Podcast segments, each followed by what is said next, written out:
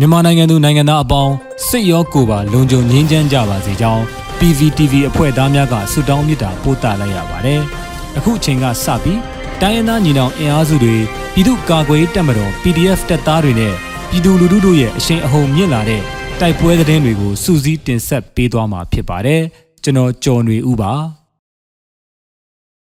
ပထမဦးဆုံးတင်ဆက်ပေးခြင်းတဲ့သတင်းကတော့ ကြိုက်တုံရဲစခန်းကိုတော်လှန်ရေးအဖွဲ့များဝင်တိုက်ရာလက်နက်အများပြားသိမ်းဆည်းရရှိတဲ့သတင်းဖြစ်ပါတယ်။ကရင်ပြည်နယ်ဒူးပလာယာခရိုင်ကော့ဂရိတ်မြို့နယ်ရှိကြိုက်တုံရဲစခန်းကိုအော်တိုဘာ28ရက်ညပိုင်းက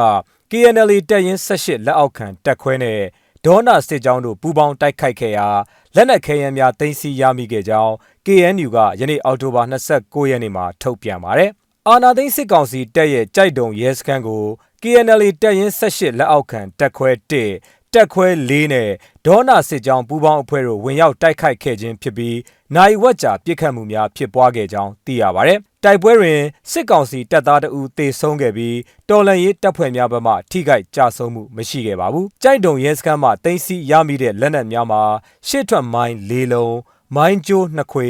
လက်ပစ်ဘုံ23လုံး 7.62G 2540တောင်း60မမဘုံဒီ23လုံး G3 6လက် G3 G ပေါက်17ပေါက် G4 တလက်ဦးစီး2လက်6လုံးပြူ4လက်ကွန်မန်ဒိုစိန်ပြောင်း4လက်စတရစက်ကြီး1လုံး RPG ပိုရန်3000တို့ဖြစ်ကြောင်းထုတ်ပြန်ချက်မှာဖော်ပြထားပါတယ်အဆိုပါတိုက်ခိုက်မှုပြီးတဲ့နောက်စစ်ကောင်စီကြိုက်တုံဗျူဟာတပ်မှလက်နက်ကြီးများဖြင့်ကြိုက်တုံမျိုးတို့ရန်တမ်းပစ်ခတ်မှုများပြုလုပ်ခဲ့ပြီးမြို့နေပြည်သူတို့ရဲ့နေအိမ်ထိမှန်ပျက်စီးခဲ့ကြောင်းသိရပါတယ် ဆက်လက်တင်ဆက်ပေးမှာကတော့ရွှေဘိုမှာစစ်ရင်တန်းမိုင်းခွဲခံရပြီး10ဦးထက်မနည်းသေဆုံးတဲ့တဲ့တင်ပါ။စကိုင်းတိုင်းရွှေဘိုခရိုင်ဟန်လင်းမြို့ဟောင်းကိုစစ်ကြောင်းထိုးပြီးပြန်လာတဲ့စစ်ကောင်စီရင်တန်းကိုဒေသကာကွယ်တပ်ဖွဲ့များကအော်တိုဘာလ24ရက်ညနေပိုင်းမှာမိုင်းခွဲတိုက်ခိုက်ရာစစ်သား10ဦးထက်မနည်းသေဆုံးပြီးဒဏ်ရာရသူများလည်းရှိကြောင်းရွှေဘိုကာကွယ်တပ်ဖွဲ့ SBDF ကသတင်းထုတ်ပြန်ပါတယ်။ အော်တိုဘာလ24ရက်ညနေ9:40မှာစကိုင်းရွှေဘိုလန်းဇီးတော်ကြေးရွာအနီး၌တန်ကြက်ကစစ်ကားတစ်စီး၊ဖော်ကားတစ်စီး၊အိမ်စီးကားတစ်စီးဖြင့်ထွက်ခွာလာတဲ့စစ်ကောင်စီတပ်ဖွဲ့ကို SBDF နဲ့မဟာမိတ်တပ်ဖွဲ့များက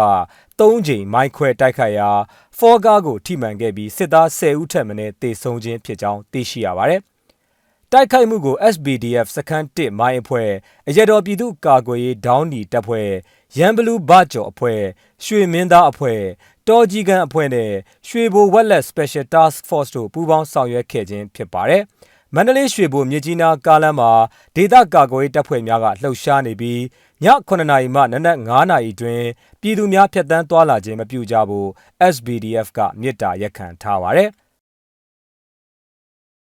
ဆက်လက်တင်ဆက်ပေးကြတာကမြင်းမှုမြို့ပေါ်မှာ ကင်းဆောင်နေတဲ့စစ်သားများလက်ပစ်ဗုံးပစ်သွင်းခံရပြီး3ဦးသေဆုံးတဲ့တဲ့တင်ဖြစ်ပါတယ်။အော်တိုဘလ28ရက်နေ့ညနေ6:25မိနစ်ခန့်မှာမြင်းမှုမြို့ပေါ်ရှိမြမစီးပွားရေးဗန်မှာကင်းဆောင်နေတဲ့စစ်သားများလက်ပစ်ဗုံးဖြင့်ပစ်ခတ်တိုက်ခိုက်ခံရပြီး3ဦးသေဆုံးကြောင်းသိရပါတယ်။အဲ့ဒီတိုက်ခိုက်မှုကို0ပျောက်ကြားတပ်ဖွဲ့မြင်းကြံတရင်ခုနှစ်မြင်းကြံခရိုင်နဲ့ True Fighter အဖွဲ့တို့ကလှုပ်ဆောင်ခဲ့ခြင်းဖြစ်ကြောင်းသိရပါတယ်။ နောက်ဆုံးတင်ဆက်ပေးခြင်းတဲ့သတင်းကတော့ရွှေဘိုမှာ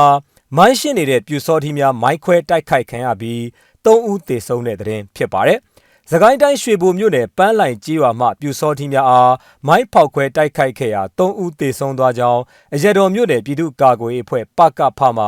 အော်တိုဘာလ29ရက်ယနေ့မှာသတင်းထုတ်ပြန်ပါတယ်။အော်တိုဘာလ25ရက်ညနေ9:00နာရီအချိန်ခန့်မှာဆိုင်ကယ်နှစ်စီးဖြင့်ပြူစောထီး9ဦးဟာ တော်လိုင်းရဲဘော်များထောင်ထားတဲ့မိုင်းပွိုင်ကိုလာရောက်ဖြုတ်နေစဉ်အနီး၌ရှင်၍ထောင်ထားသောမိုင်းဖြင့်ဖောက်ခွဲတိုက်ခိုက်ခဲ့ခြင်းဖြစ်ပါတယ်။အဲ့ဒီလိုဖောက်ခွဲတိုက်ခိုက်မှုကြောင့်၃ဦးသေဆုံးက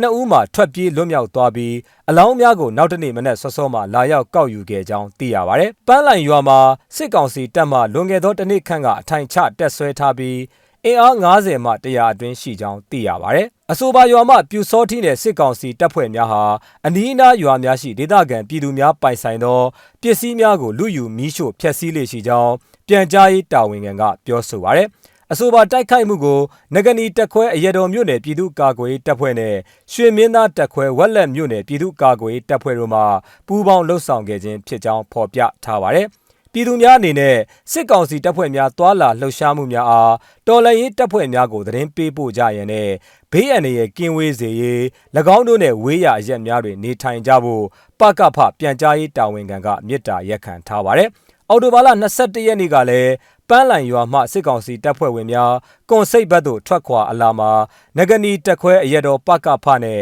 မဟာမိတ်မမိုင်းဆွဲတိုက်ခိုက်ခဲ့ရာနှစ်ဦးသေဆုံးပြီးအများအပြားဒဏ်ရာရရှိခဲ့ကြောင်းသိရှိရပါတယ်ခင်ဗျာ။